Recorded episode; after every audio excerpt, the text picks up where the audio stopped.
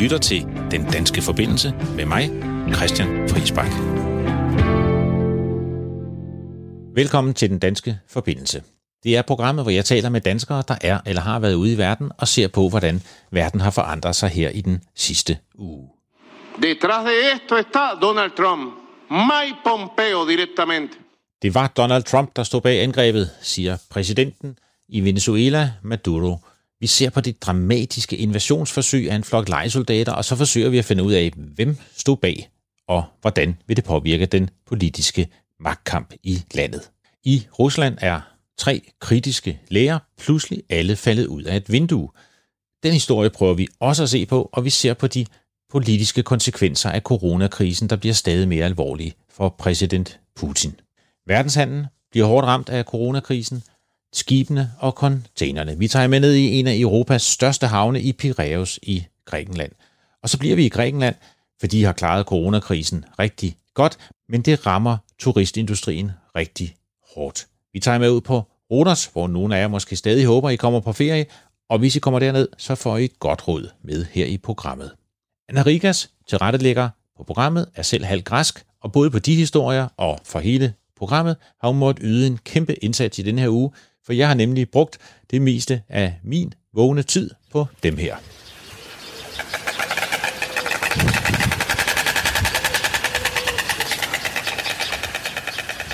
Ja, og det er, hvis du ikke lige kender lyden, storke, der knævrer. For 12 år siden satte vi en storkerede op her på gården, hvor jeg sidder og laver den her radioudsendelse. Og siden har jeg ventet på, at de skulle komme. Men i lørdags skete det, der kom to unge storke og slog sig ned i redden. Og det vil, hvis de bliver her, være de første trækkende storke, der slår sig ned på Sjælland siden 1965. De storke fortæller jeg på kraftig opfordring fra Anna lidt mere om til sidst i programmet, hvor jeg også vil afsløre, hvad hanstorken er kommet til at hedde efter en afstemning, en konkurrence oppe i vores lokale by Ganløse For det er nemlig et helt specielt navn. Husk, skriv til os på den danske forbindelsesnabelag radio4.dk, hvis du har kommentarer eller gode idéer til programmet. Velkommen til den danske forbindelse.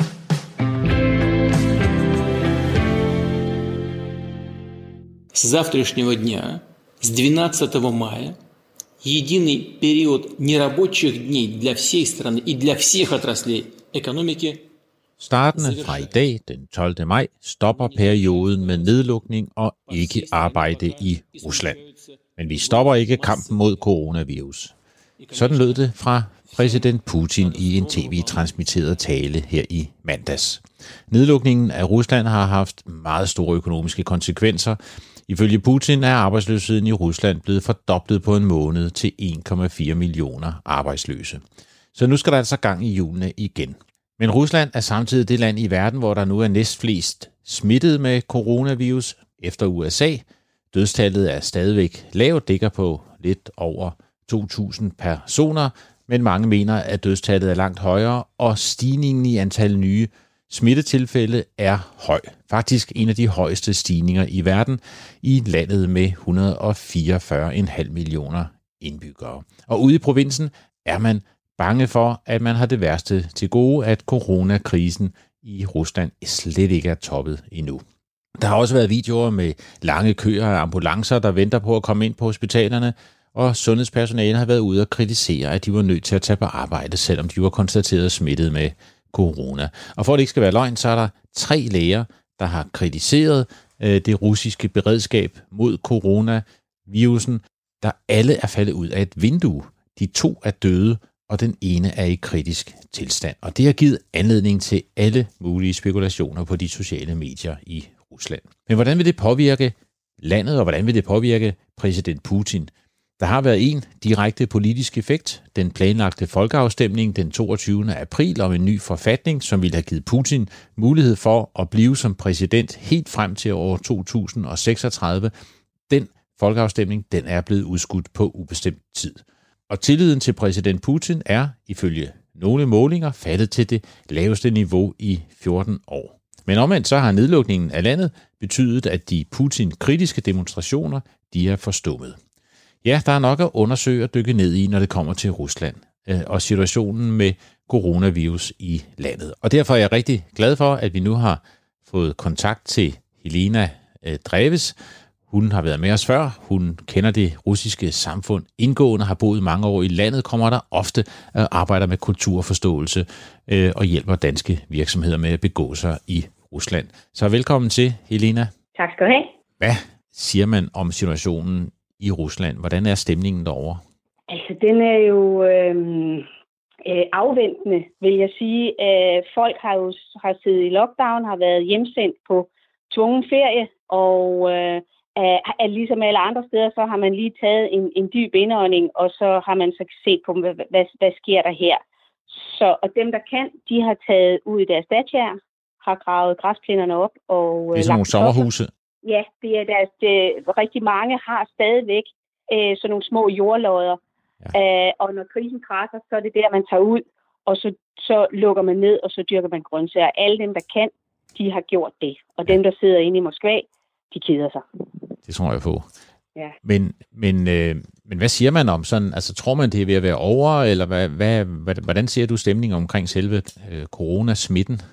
Altså lige nu er, er, er, er, er smitten jo på sit højeste, og man, mange kender nogen, der har været smittet. Det er ikke ligesom her i Danmark, hvor vi sådan spørger hinanden, hvem, hvem har været smittet? Øh, kender I nogen? Og så kan det være, at man kender en perfekt. Derover kender alle nogen, der har været smittet. En af mine venner, han øh, i, allerede i februar, øh, der blev han syg. Han mistede øh, lugtesansen, øh, og han fik og han hostede. Så ringede han til sin læge, og så sagde han, øh, jeg tror altså, jeg har fået den der kinesiske corona, fordi lige ved siden af mig, der er en masse kinesere. Og så siger lægen så på det tidspunkt, jamen vi har ikke corona i Rusland, derfor kan du ikke blive testet. Okay. Men han ved jo godt, at han har haft corona, så derfor så passer han på sine ældre. En ja. anden, jeg kender, øh, har en bekendt, der arbejder i øh, sygeindustrien, eller i, i øh, ja, healthcare. Øh, hun blev testet, og hun fik så officielt at vide, at hun skulle regne med, at, at testen den var 60% sikker. Ja. Så de har bakset med det? Øh, de, de har bakset så, med... Så man har på en ene tidspunkt, så, så er den rent faktisk, altså man, man, man lever med den, samtidig med, at man godt ved, at systemet rundt omkring ikke kan løfte. Og, og der har jo også været smitte hos øh, en række regeringsfolk og Putins Det har været smitte helt inde i, øh, ja, inde i, i øh, inderkredsen, ja. Så, så, så man hører jo rigtig mange netop øh, kendte mennesker derovre, der også er blevet øh, smittet, så måske er tallene meget højere end dem, som vi har set i medierne. Tror man det? Altså lige nu regner man med, at øh, 60 procent af de dødsfald øh, inde i Moskva, øh, eller, eller øh, dødsfaldene er 60 procent højere end, end de officielle tal. Ja. Men man kan sige, at russerne er i og for sig i gåseøjne ligeglade med øh, officielle tal og udmeldinger. Altså, altså man har ikke de her biolog-nørder, øh, som vi andre, vi, hvor vi sidder og følger med, og vi lytter til vores, øh, øh, øh, til vores kloge hoveder og tror på dem. Altså, man ved godt, at de meldinger, der kommer fra autoriteterne, øh, det er måske rigtigt, det er måske forkert. Det er, de er i hvert fald politisk betonet, øh, lige meget hvilke kommentarer, der kommer fra, fra øh, det officielle Rusland, så derfor så tror man ikke på det. Men man kigger sig omkring, man, man ser, okay, kan jeg se nogen, der er syge, hvem skal jeg passe på? Og, og det her med, at man ikke øh, helt tror på myndighederne, men man tør måske så heller ikke kritisere myndighederne. Og der har jo været den her lidt vilde historie om tre læger, der er faldet ud af et vindue, efter at de kritiserede myndighedernes indsats mod coronavirus. Det må du lige fortælle lidt om, den historie. Ja, altså det var, det var tre læger, som øh, alle tre øh, var blevet testet positiv øh, for corona. Og, øh, og de bliver så øh, i gåsøjne så skamfulde øh, og så presset, at de vælger, øh, eller de ved et uheld, eller øh, de på en eller anden måde, så falder de i hvert fald ud igennem øh, nogle vinduer. To af dem dør, den ene er i, er i kritisk tilstand. Øh, og det er noget af det, vi har svært ved at forstå i Danmark, at, at svaghed bliver straffet så hårdt. Jeg ved ikke, om de er blevet skubbet. Det tror jeg sådan set ikke. Men hele systemet, der har så lidt til overs for svaghed, har jo været med til at skubbe dem ud. Og hvor vi i Danmark jo, hvis sådan noget det skete, så havde, havde der været nogen, der havde demonstreret, der havde været en opposition, som har sagt, det går ikke det her. Så er der ikke det i Rusland, fordi dybest nede, så er der altså en meget stor foragt over for svaghed hos russerne. Det er noget af det, vi har meget svært ved at forstå i Danmark. Så til det økonomiske. Arbejdsløsheden er eksploderet. Rusland var jo i forvejen i krise på grund af sanktioner. Hvordan ser den økonomiske situation ud? Hvad, hvad, hvad, hvad, hvad er din analyse her? Altså, øh, det, det, det går skidt, og det går, øh, øh, og det går, øh, coronakrisen har jo sat et forstørrelsesglas på, øh, på den her økonomiske krise. Coronakrisen har jo sat et forstørrelsesglas på alle samfund, og det, der var sket, det, der er sket i Rusland, er, at deres økonomi har været sværere og sværere, så rigtig mange af de offentlige institutioner er jo blevet udsultet. Man har bare lavet som ingenting, fordi Putin øh, vil jo være den stærke mand, som står og har kontrol over det hele. Og det har han også, så længe at han har råd til at betale lønninger til folk, så længe han overholder hans del af aftalen om, at han holder øh, hjulene i gang i det offentlige system. Og det tror jeg, vi er mange, der er, er spændt på at se, hvad der sker, øh, når han ikke kan det. Når folk ikke får udbetalt deres lønninger øh, den første måned og den anden måned, det kan en russer godt leve med. Igen vil det være noget, der vil være utænkeligt for os. Men den tredje og den fjerde måned, så begynder folk at rejse sig og så sige, det går ikke det her. Du er den stærke mand, det er dig, der skal sørge for, at der kommer penge ind på min konto. Så tror du, det vil ramme øh, Putin, øh, coronakrisen? Altså, det vil ramme ham på den måde, at folk med rette vil rejse sig op og så sige, du overholder ikke din del af aftalen. Men der er jo ikke i Rusland en aktiv opposition. Altså man har jo ikke en Lars Løkke, der sidder og skriver klummer om, at hvis jeg var kalif, så ville jeg have gjort det sådan og sådan og sådan. Øh, der er jo ikke nogen, som, som har fået lov til at komme ind med et reelt alternativ. Så det vil, det vil vi ikke se, og det, der er så uproduktivt, og det, der gør sig også, der elsker Rusland så meget, så, så kede af det, det er, at man vil gå i gang med det, man kan, nemlig blame game. Altså man vil sige, det var ikke go- gjort øh, godt nok. De her hospitaler, de virker ikke. De her folk får ikke udbetalt deres løn. Men der vil ikke være nogen, som er stærkere og fornuftige nok til at sige, okay, hvad kan vi så gøre i stedet for? Så Putin sidder stadigvæk øh, solidt i, i sadlen. Og den her forfatningsafstemning, hvor han skulle ligesom give sig selv lov til nu at, at blive indtil 2036, hvad sker der ja. med den, tror du? Jeg tror bare, den bliver udskudt. Altså nu skal man passe på med at sige noget bestemt om Rusland, fordi der er rigtig mange, der er også meget klogere end mig, som er, er, er, har måttet æde deres ord igen. Øh, men jeg tror umiddelbart, at, at den bliver udskudt, og så bliver den vedtaget. Og, og så, altså fordi der er ikke noget reelt funktionsdygtigt alternativ. Nej.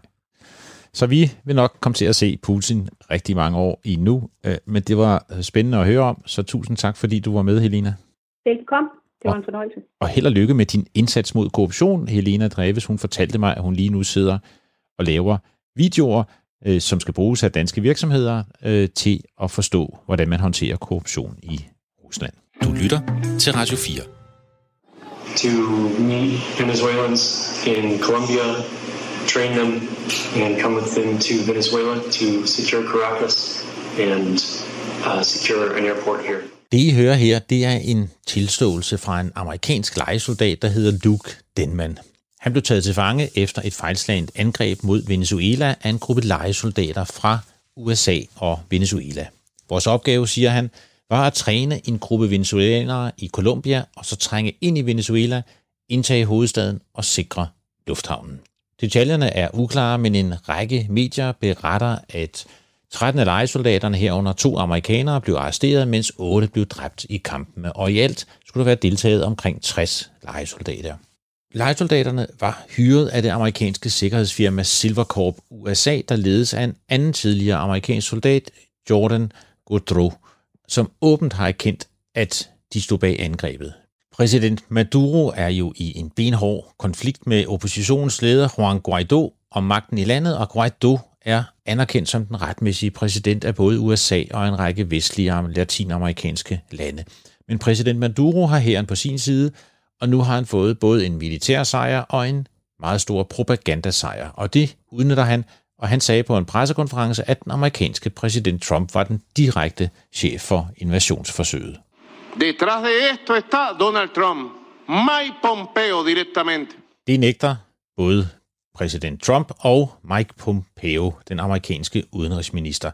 Dog med den lille spidsfindighed, at Pompeo på en pressekonference sagde, at USA ikke havde nogen direkte rolle i angrebet.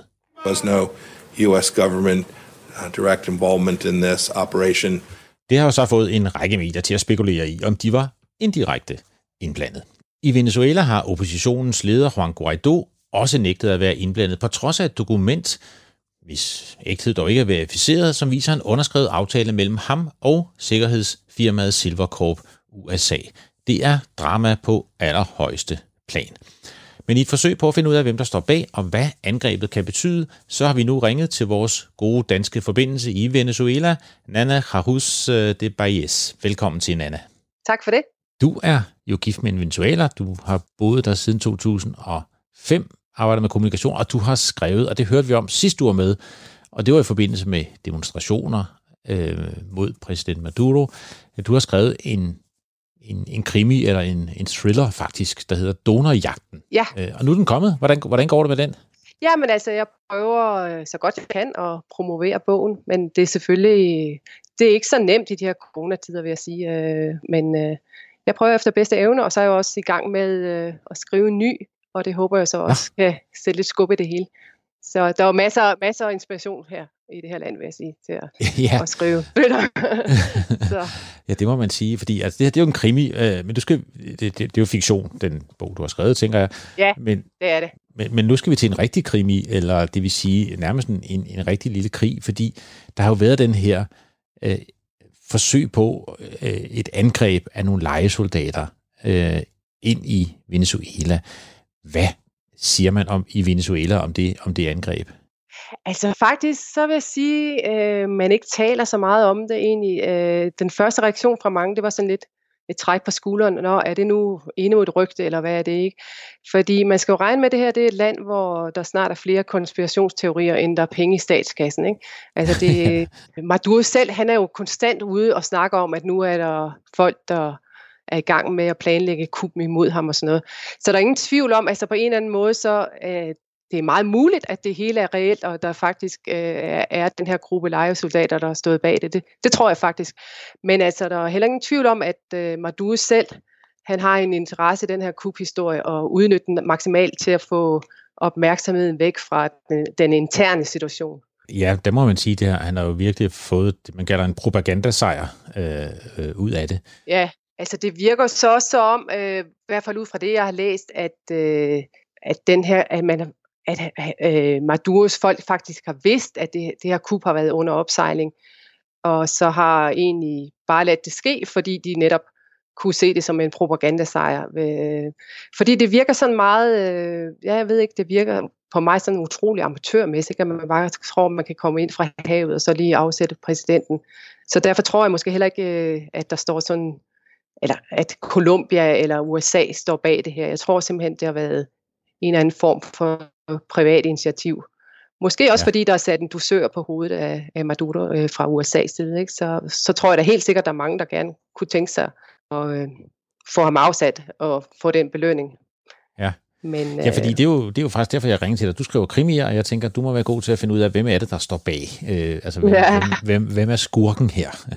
Øh, ja. Og, og, og nu, nu, nu tæller du om, om, om USA. Øh, ikke fordi, ikke bare dig, men, men tror, altså Maduro, han siger selvfølgelig, det er amerikanerne, der står bag. Ja. Øh, ja. Men, men, men hvad siger man sådan i, i, i Venezuela, eller hvad, hvad, hvad tror du? Jeg tror ikke, folk generelt tror på den der USA-historie, fordi de er normalt, altså de er vant til USA for skylden for alt, ikke? Øh, så, ja. så igen, det er sådan lidt bare et skuldertræk. Nå, er det nu det kort igen, vi trækker, ikke? Øh, ja.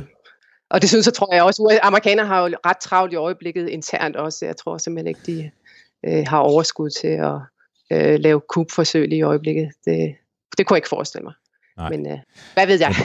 Men, ja. den amerikanske udenrigsminister Pompeo, han har, han har jo sagt, at det var der så nogen, der fik rigtig meget ud af. Han har sagt, at der var ikke nogen direkte amerikansk indblanding. Ja. Så kan man sige, øh, direkte var der så en indirekte øh, indblanding.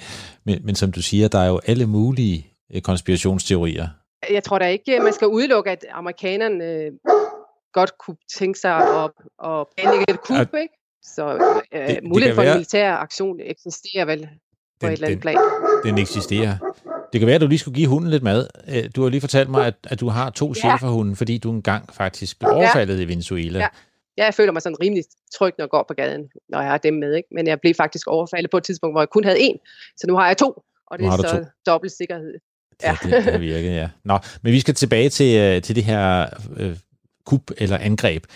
Øh, mm-hmm. Der har jo også været nogle dokumenter, der viser, at der har været en, de er blevet øh, vist i Washington Post, der til sydlandet viser en kontrakt mellem oppositionen i Venezuela og så det her firma Silvercorp, hvorfra ja. de amerikanske legesoldater de kom. Og, og, og det dokument skulle endda være underskrevet af Guaido, øh, ham oppositionslederen ja. jo, som USA anerkender som den rigtige præsident.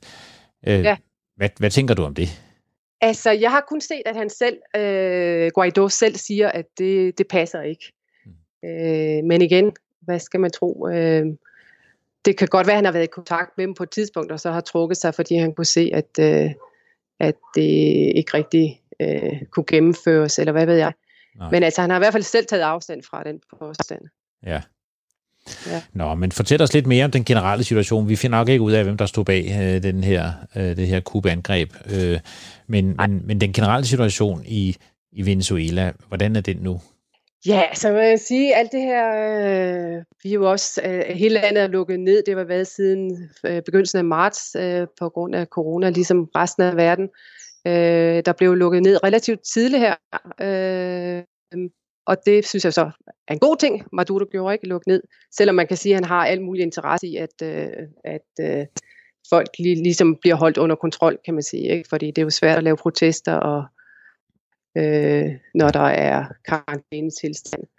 Men ellers så føles det jo sådan lidt som en undtagelsestilstand, midt i undtagelsestilstanden, fordi det er jo så længe siden Venezuela har fungeret normalt, kan man sige. Ja, og var jo i en meget alvorlig økonomisk krise, og den må jo blive endnu værre af den her nedlukning, I nu op, I, I skal igennem. Ja, fordi man kan sige, at folks indtægtsgrundlag var jo forvejen vine, ikke? og det er jo så simpelthen ødelagt yderligere. Og du har jo en meget stor del af befolkningen, der lever i den informelle sektor. Altså, de har ikke noget fast job eller nogen fast indtægt. De er afhængige af at skulle ud hver dag for at skaffe mad og brød på bordet. Øh, og det er jo, det kan de jo ikke rigtig. Altså, jeg tænker på alle dem, der for eksempel arbejder jamen, de kommer i de mere velstillede hjem øh, og gør rent og får mad der, ikke, og får en dagsløn. Det kan de jo slet ikke i øjeblikket. Øh, så hvordan folk egentlig overlever, det ved jeg ikke. Men Nej. jeg kan så se også, at øh, øh, man må godt gå ud, man må godt motionere, man må godt øh, gå tur med hunde, for eksempel, som jeg gør. Øh, og når jeg er ude om morgenen, jeg kan også se bare i mit kvarter, hvordan der er flere og flere mennesker, der simpelthen står og leder efter skrald i, i, i affaldsbunkerne ja. eller i folks skraldespand. Ja. Så øh, man kan se det med, med sit blotte øje, at, at, at der bare er flere og flere folk, der, der sulter. Ikke? Ja, det er rigtig barsk, det må det være. Og det bliver jo og det bliver endnu værre for hele landet også, fordi noget af det, der virkelig er, er, er faldet i pris lige nu, det er jo olie, og, og det er jo det, Venezuela har levet af. Øh, så man kan sige, at ja. staten bliver vel også ekstremt presset, så muligheden for at give kompensation og, og sociale sikkerhedsnet og alt sådan noget bliver også, øh, øh, de forsvinder jo også i den her tid. Ja, fordi øh, det virker som, der slet ikke er nogen penge, fordi øh, før, der, der øh, altså længe har situationen været sådan, at i store dele af landet var, det, var der lange køer for at få benzin. Der var simpelthen ikke benzin.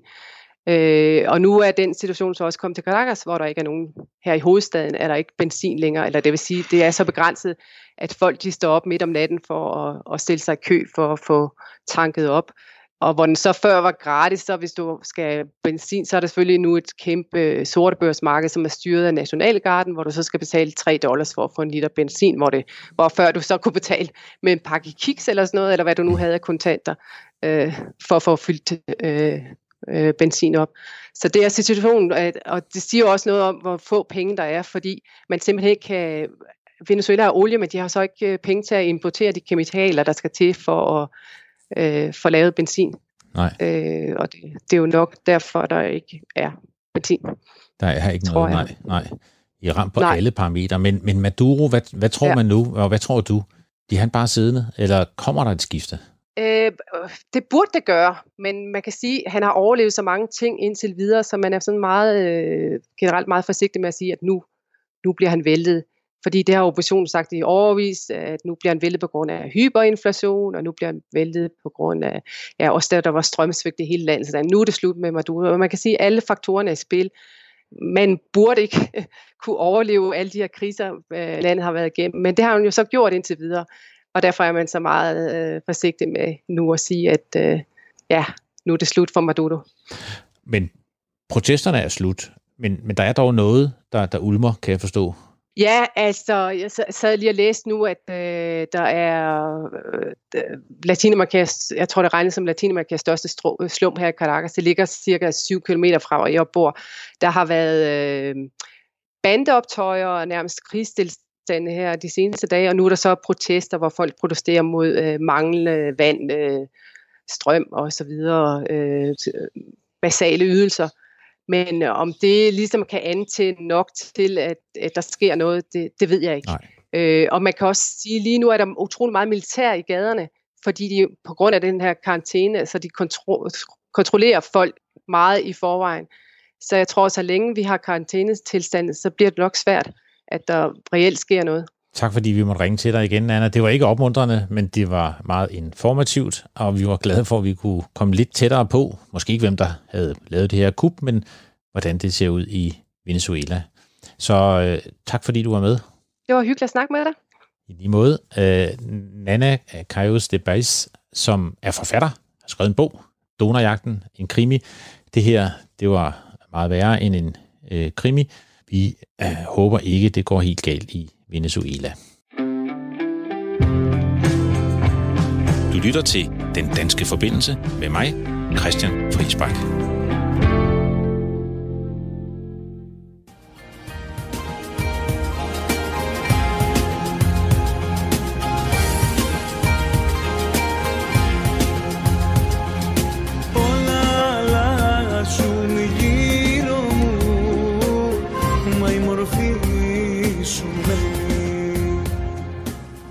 Hører her, det er musik fra en reklamevideo fra havnen i Piraeus ud fra Athen i Grækenland. Og videoen viser selvfølgelig skibe, transport, biler, lastbiler. Vi skal nemlig se på verdenshandel og transport. Coronakrisen betyder lavere forbrug, lavere produktion, fabrikker, der lukker, grænser, der lukker, og det rammer selvfølgelig verdenshandlen. Og det kommer ovenpå et år, hvor verdenshandlen faktisk allerede var i stillstand og endda gået lidt tilbage på grund af handelskrigen mellem USA og Kina og en afmatning af den økonomiske vækst. Øh, værdien af den samlede verdenshandel faldt 3% sidste år, og det var meget usædvanligt. Den stiger normalt ellers år for år for år. Så, så der var krisetegn, og så kom coronavirusen. Nu forudser verdenshandelsorganisationen WTO et fald i verdenshandlen på mellem 13 og 32 procent. Det vil sige, den samlede transport og handel med alt fra biler og olie og legetøj og cowboybukser og avocadoer kan falde jamen helt op til en tredjedel. Det er især de mere komplekse varer, der bliver ramt af corona, for eksempel biler og elektronik, og det skyldes jo, at der er man afhængig af rigtig mange underleverandører. Så hvis blot en af fabrikkerne i kæden lukker, så rammer det øh, alle de andre. Og det var for eksempel derfor, at Land Rover i Storbritannien måtte lukke ned for produktionen af biler, før at Storbritannien som land lukkede ned. Fordi da corona ramte i Kina, så ramte det reservedele til produktionen af biler i Storbritannien. Og de fleste fabrikker i dag, de har meget små lagre af de forskellige dimser og dele, som de bruger til at producere for at spare på omkostningerne. Man har sådan et just-in-time-princip, når det gælder reservedele og input til produktionen, men det gør jo så, at når et led i kæden bliver ramt, så bliver hele kæden ramt og endda ofte meget hurtigt. Det her ventede fald i verdenshandlen, det er meget markant. Det er langt større end det fald, der skete under den økonomiske krise for 10 år siden. Så det kan ikke være mundret rundt omkring i verdens havne, tænker jeg, og derfor tager vi til Grækenland og ned i den store havn i Piraeus, den største havn i Grækenland, en af de største i Europa. Og her arbejder der nemlig en dansk shippingmand. Og derfor vil jeg gerne sige velkommen til Lars Holmberg Nielsen, chef for BMS United Bunkers. Velkommen til, Lars. Jo, tak. Du må først lige forklare mig, hvem og hvad er BMS United Bunkers? Ja, vi handler med olie til skibe internationalt og med smørolie, og servicerer også på andre måder, hvis der er nogle ting, der skal bruges øh, inden, inden for den branche. Og jeg har selv været i shipping i, i, i mange, mange år efterhånden. 36 år. Og du er nede på, du er nede på havn 36 år, der kan du bare se. Øh, og du er nede på havnen i Piraeus, så det er rigtigt? Ja, vi er i, vi, vi har kontor her i Piraeus, så vi er ikke særlig langt fra havnen. Og hvordan ser det ud på havnen? Jamen, der, der, der er meget stille i forhold til, til, hvad der normalt er på den her tid af året. For der, det er jo en af verdens største krydstogsskibshavn med over 600 anløb om året. Og lige i, i år, der ser det ikke ud til, at der overhovedet kommer nogen. Vi har en del skib, der ligger, men de ligger bare stille med noget besætning om, ombord. Så, så det er selvfølgelig reduceret aktivitet, og øh, færgerne ud til øerne, de er heller ikke særlig fulde, fordi man må kun sejle derud, hvis man bor der, eller hvis man skal ud og åbne prøve at åbne op øh, restauranter og, og taverne eller hoteller, eller hvad man nu har, hvis der bliver en, en turistsæson i år. Ja. Øh, ellers så den største del af havnen, det er selvfølgelig containerterminalen, som Costco kører i øjeblikket, det kinesiske stats øh, rederi. Øh, og den er gået voldsomt frem i mange år, men, men den er selvfølgelig ramt lidt af noget reduktion på måske de der 25 procent øh, af containervolumen, som, som man ser øh, er, er forsvundet i corona-problematikken. Øh, øh, øh, Men selve, selve havnen, den, den, er altså, den fungerer. Altså, det er ikke sådan så, at der er noget virusnedlukning i havnen. Altså, man kører rundt, og der er pallegafler og lastbiler, og, og sådan selve, selve havnen fungerer som containerhavn stadigvæk.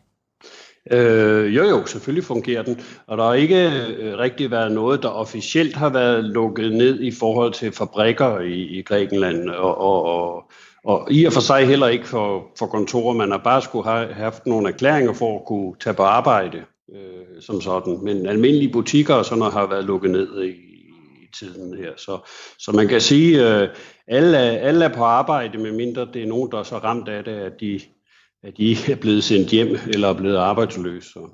Ja. Men I sælger olie til skibe, så jeg tænker, I må da være nogle af dem, der kan blive rigtig hårdt ramt, fordi øh, hvis skibene går ned, så skal de ikke have olie og smørelse, øh, og så må det vel ramme sådan en virksomhed som jer. Jo, men øh, der, der vil jo altid være noget, der sejler rundt, og det har der også været før, der blev øh, øh globalisering, og man kan sige, at vi er jo ikke øh, så hårdt ramt, som hvis vi havde været i, i flyfarten, for det vi blev ikke øh, blevet blæst om kul øh, over natten. Men det er da selvfølgelig klart, at, øh, at, at shippingbranchen har i øvrigt været i, i krise i, i over 10 år allerede. Og øh, det hjælper jo ikke noget, når krydstogsskibe ikke sejler, og når øh, verdenshandlen skrumper. Øh, så selvfølgelig er der, der er mindre aktivitet i øjeblikket, og det er slet ikke let at være skibsredder, for de kan ikke give øh, besætninger nogen steder, og de kan ikke få reparationer ombord, og øh, de har virkelig nogle problemer, som, som de fleste ikke forestiller sig. Og bliver øvrigt, synes jeg, ret dårligt behandlet af en masse myndigheder, øh, som burde sætte lidt mere pris på skibsfart. Ja, men du har også fortalt mig, at, at der er faktisk en del virksomheder nu, der begynder at gå konkurs inden for transportbranchen. Er det rigtigt?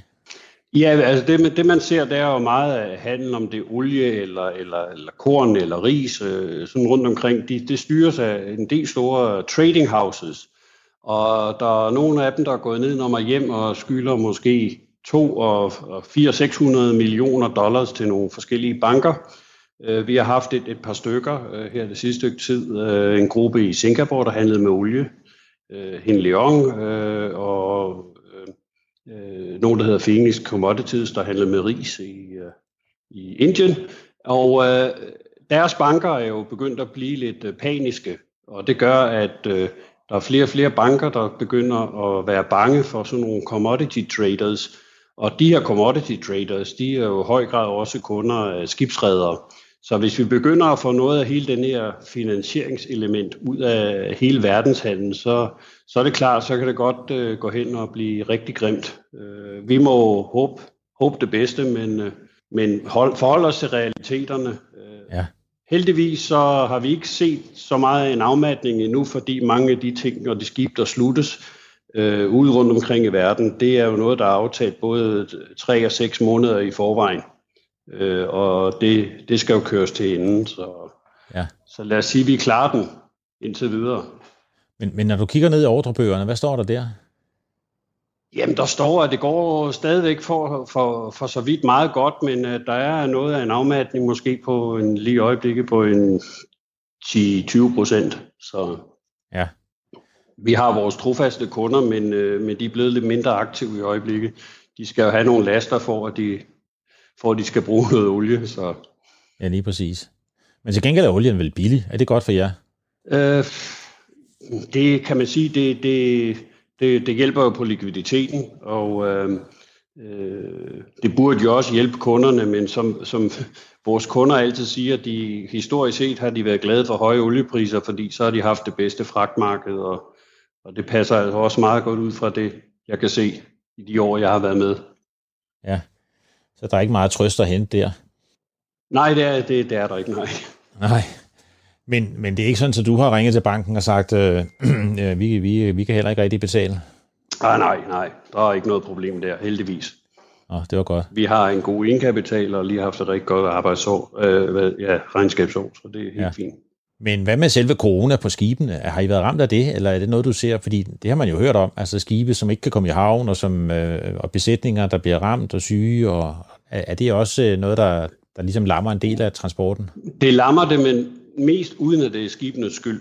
Altså, nu er der selvfølgelig krydstogsskib, og så har der været et par tilfælde, men, men, men det er mere på grund af myndighederne i land. Der er næsten ikke nogen kontakt mellem skibene og de forskellige havne. De kører papirarbejdet frem og tilbage i en spand, som de så frem og tilbage.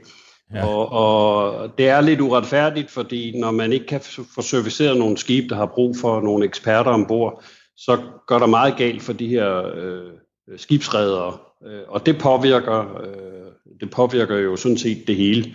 Og jeg kan sige, at mange skibe, når de kommer i havn, så har de jo, de store skibe, de har jo været på søen i både tre og seks uger. Så man kan sige, hvis ikke de er syge, dem der er ombord, så er det jo det, det sikreste sted, man kan være i virkeligheden i verden. Ja, ja det er rigtigt. Nej, men der er meget panik rundt omkring, og, og især når det gælder skibe, og de der krydstogshistorier, dem har vi jo hørt alle sammen, ikke? Hvordan, ja. øh, hvordan de også har smidt sygdommen om, øh, i land øh, i, i en række steder, så, så der er jo en stor frygt. Men specifikt her i Grækenland, der må vi jo sige, at de har klaret det her til, til bravur. Øh, hvis jeg skal kigge på statistikkerne, så er vi jo nærmest blevet europamester i, i færrest tilfælde. Så det er jo dejligt øh, at se. Øh, så vi må håbe, vi kan holde tungen lige i munden øh, gennem øh, hele det her øh, situation. Ja. Vi var måske også lidt heldige med timingen, at den ikke kom seks måneder efter, at det havde været midt i turistsæsonen, fordi så ja. kunne det have gået helt grueligt galt her. Vi har den næst ældste befolkning i, øh, i Europa efter Italien. Øh, så, så det vil være rigtig grimt, og selvfølgelig et hospitalsvæsen, som har været noget udmagret efter ja, i hele den her krise, som vi jo heller ikke helt er kommet ud af endnu. Så, og det bliver jo ikke bedre nu, heller ej. Nej. Men, øh, nej, men det er meget imponerende. Det er jo ikke altid, øh, ikke for nu at have mine stereotyper, men, men det er jo ikke altid, vi, vi, vi tænker, at Grækenland er sådan særlig godt organiseret. Men det her, det har de altså formået at, at klare relativt godt. Øh, at, at man, har, man har formået at stoppe smitten ja. øh, langt, langt bedre end i andre sydeuropæiske lande. Øh, jeg ved ikke, om det er, fordi man, man ligefrem er blevet mere disciplineret hernede, men, men man lytter i hvert fald til lægerne, fordi øh, det, det er sådan et sted, hvor man er meget øh, helst skal have en pille for, hvis man har flækket en tonnejl og, og sådan noget. Og det gør selvfølgelig, at hvis folk lige pludselig snakker om corona, så, der, så bliver der lyttet. Altså, øh, ja. og, øh, ja, og så har vi en, en epidemiolog, hvad, hvad kalder man eksperten, der hedder øh, Sotiris ja. Chotters, som øh, ligesom har været øh, været kaptajn på hele det her, og han, øh, han er meget, meget dygtig, og folk har lyttet til, hvad han har sagt, og stort set fulgt hans, øh, hans råd og vejledning. Så han har, øh, læser jeg forleden, 96,5 procent øh, approval rating blandt grækere, så det, må, det må, ja. kan man jo godt kalde at være populær. Det lyder nærmest som Putin jo. ja, så, så, så er man relativt populær, ja. ja, så, ja. Men, øh, men det, det, vi har fået nogle nye helte øh, under den her krise, øh, ja. men, men det var rigtig spændende at høre om det her med ja, både corona i Grækenland, men så sandelig også med verdenshandlen, og jeg håber, at det kommer til at gå godt for jer, at det ikke rammer, rammer for hårdt, men der bliver nok en periode nu, hvor, hvor der bliver lidt, øh, der bliver brug for at at stramme bæltet lidt ind. Tusind tak, fordi jeg måtte være med. Du var meget velkommen. Tusind tak, fordi du ville være med. Øh, og det var Lars Holmberg Nielsen, som er chef for BMS United Bunkers med hovedsæde i Piraeus, havnen lige ud for Athen i Grækenland. Teach me to dance. Will you? Dance? Did you say dance? Come on, my boy.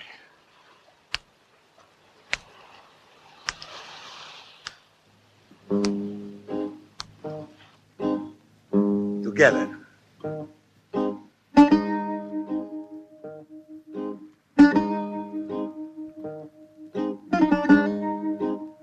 Let's go. Up.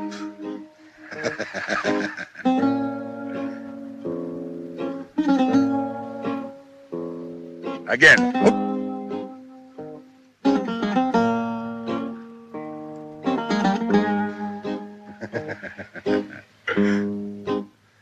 Now. Yasu Levende. Boss, I have so much to tell you. I never loved a man more than you. Tourism is a vital part of Europe's economy. Nearly a tenth of GDP across uh, Europe and more than 10% in 11 uh, member states. Millions of jobs depend on tourism. Turisme er en vital del af Europas økonomi, udgør 10% af vores samlede indkomst. Der er millioner af jobs på spil, som Margrethe Vestager siger det her fra EU-kommissionens pressemøde i onsdags. For mens den danske regering tøver med at åbne grænser, så vil EU-kommissionen have turismen i gang til sommer.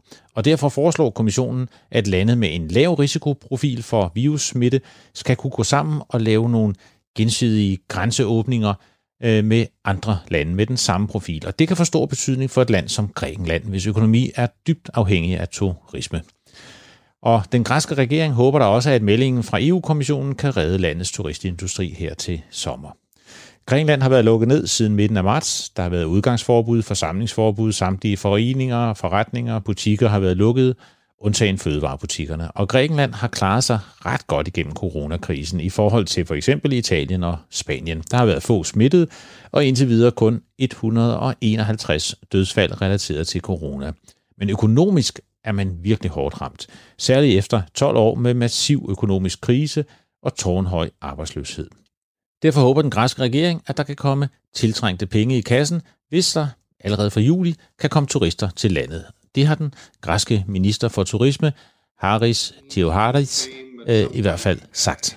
In July to, to be able to, to open up. Now, this cannot be with every source country, with every destination. I, I acknowledge that, but at least we have to uh, try to open up with some, some countries the uh, bilateral communication and, and traveling.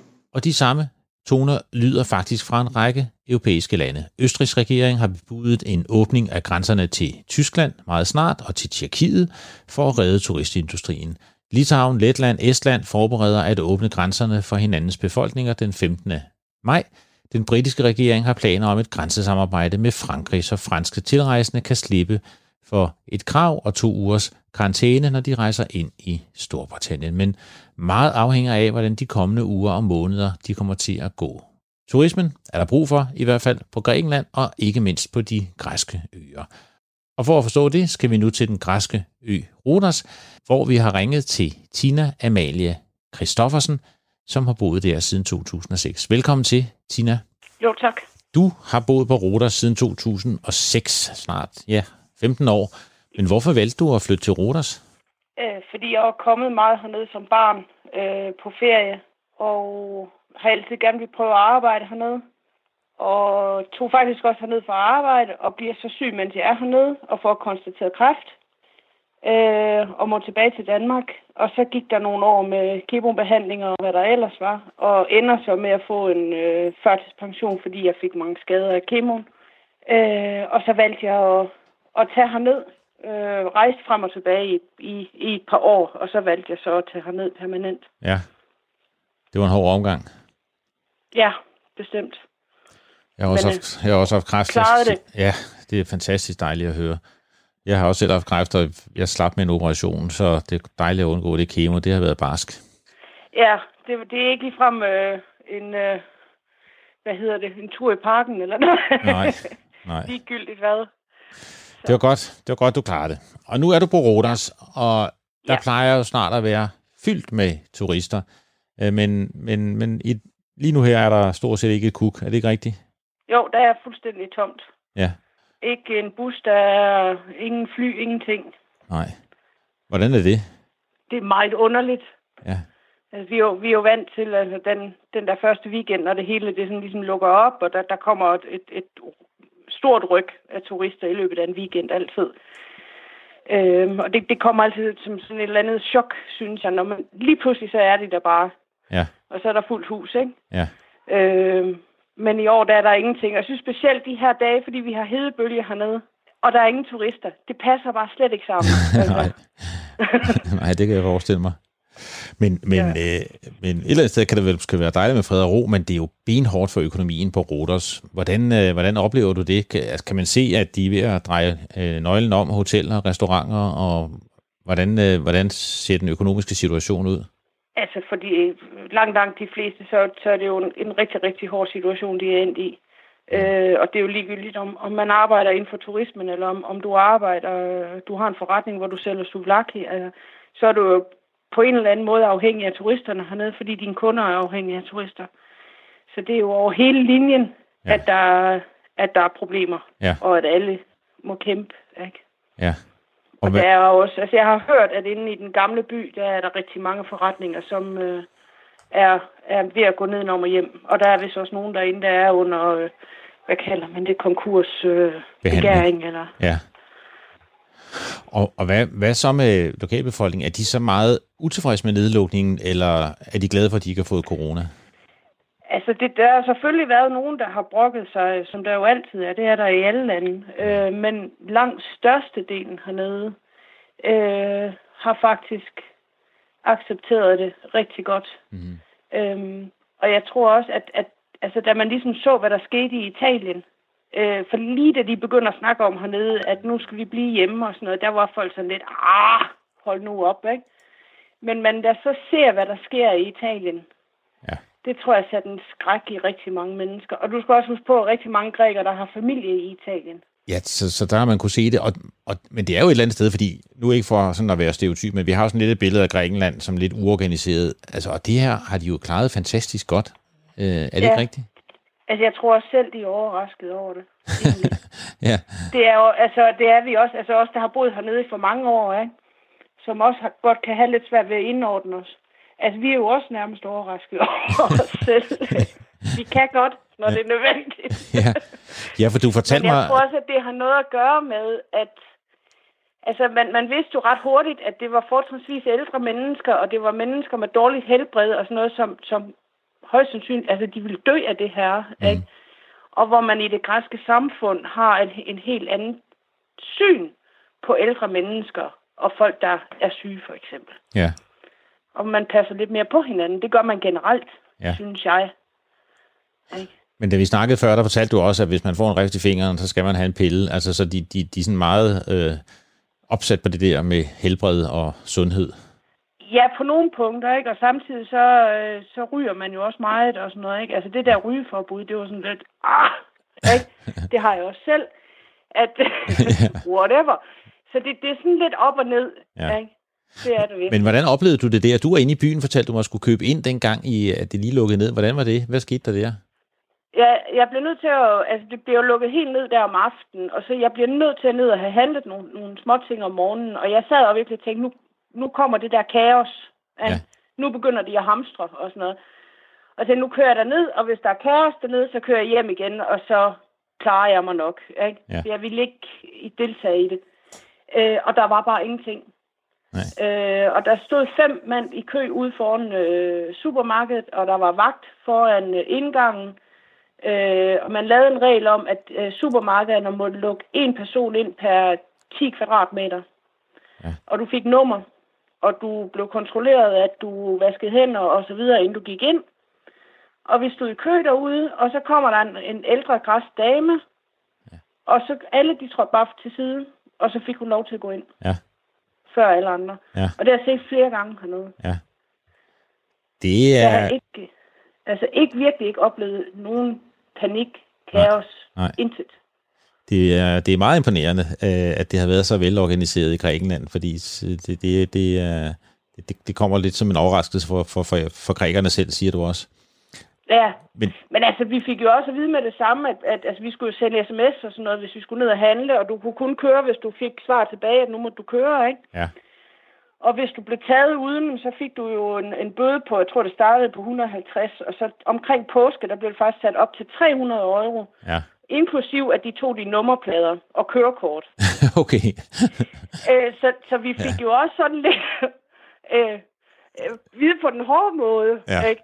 Altså, jeg kunne godt forestille mig, at hvis man ikke med, med bøderne og sådan noget, så, så tror jeg, der havde været flere, der havde taget det lidt mere nonchalant. Ja. Men der var altså ikke nogen, der havde lyst til at betale de der 150 euro. Vel? Nej, nej, det tror jeg på. og, og, og hvad, med, hvad med regeringen? Er man så øh, okay tilfreds med regeringen? Det synes jeg, at altså, de fleste hernede øh, har faktisk talt positivt om det. Ja. Der, der har været meget få øh, brokkerier, øh, også selvom at man er ude i noget rigtig slemt, noget økonomisk. Ja. Så synes jeg faktisk, at folk har accepteret det. Og hvad med hjælpepakkerne? Er der hjælp at hente? Altså, de, øh, nogle øh, ansatte har kunne få øh, 800 euro, som skulle dække for to måneder, marts ja. og april. Ja, sådan 5-6.000 kroner. Ja, og så har nogle forretninger kunne få det samme. Mm. Men altså, det, det, det strækker jo ikke ret langt, altså. Nej. Men det er en hjælp. Det er bedre end ingenting. Og hvad med hjælpen fra EU? Øh, er man, er man, I Italien har de været noget træt af EU, fordi de ikke mener, de fik hjælp. Hvad, hvad, hvad siger man i Grækenland? Ja. Der har faktisk ikke rigtig været snak om det. Nej. Øhm, der, der var noget på et tidspunkt, at der måske ville komme noget fra EU, eller Marshallhjælpen efter 2. verdenskrig, noget mm. i den stil. Øh, men altså sådan som jeg har opfattet det hernede, så, så er folk egentlig mere, at vi må bare klare os igennem det her. Ja. Der er ikke nogen, der danser sorger ude i gaderne, fordi nu kommer der nogle penge fra EU. Nej. Tværtimod, altså. Nej. Jeg tror, ikke, jeg tror ikke på, at folk de regner med, at der kommer noget, inden det er der. Og Men- det er jo generelt, altså det, sådan er det også fra systemet. Ja. Altså man, man, tro- man stoler ikke på noget, vel? Nej. Men nu prøver EU jo at få turisterne tilbage til Grækenland. Øh, og, Ja. og, og, og tror du og håber du, der kommer nogle turister snart? Altså jeg håber det, og jeg håber, at, at det måske lykkes for dem hernede at få et par måneder med turister, så at, at det i det mindste kan redde en lille smule for lokalbefolkningen, ikke? Ja. Øhm, altså det eneste, jeg håber på, det er, at de turister, der kommer herned, at de ikke sidder og gemmer sig inde på nogle all-inclusive hoteller, Ja. men at de går ud og så støtter lokalbefolkningen. Det, For det, det kan redde dem, ikke? ja.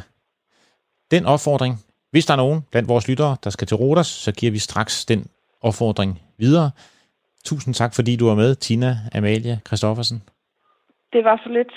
fra Rodas, øh, Ja. hvor du har boet lige siden 2006.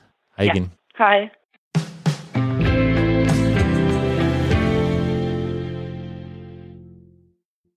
Det var, hvad vi havde til jer i den her uge. Jeg bortset fra, at jeg havde jo lovet lidt mere om storkene, som er ankommet her til Vejgaard. De to unge storke, og derfor kommer de nok ikke til at yngle i år, selvom de øh, meget uelegant forsøger at parre sig, øh, og de er også begyndt at slæbe lidt grene op i redden. Men hundstorken, hun er tre år, og hun hedder Susanne. Hanstorken, ja, han er to år, men han har ikke noget navn. Og min favoritforening, som jeg har samarbejdet med i over 10 år om det her storkeprojekt, de hedder storkene.dk, de sagde, at vi gerne måtte navngive ham. Og så lavede vi en konkurrence på Facebook-siden op i Genløse, den by, som vi bor udenfor. Der kom 24 forslag, der blev stemt derud af, og nu kan jeg afsløre vinderen. Hanstorken endte nemlig med at blive opkaldt efter en berømt dansk skuespiller, som er født i Gandøse. Tak. Nu må I love mig en ting. Jo. I må ikke begynde at græde, fordi jeg går.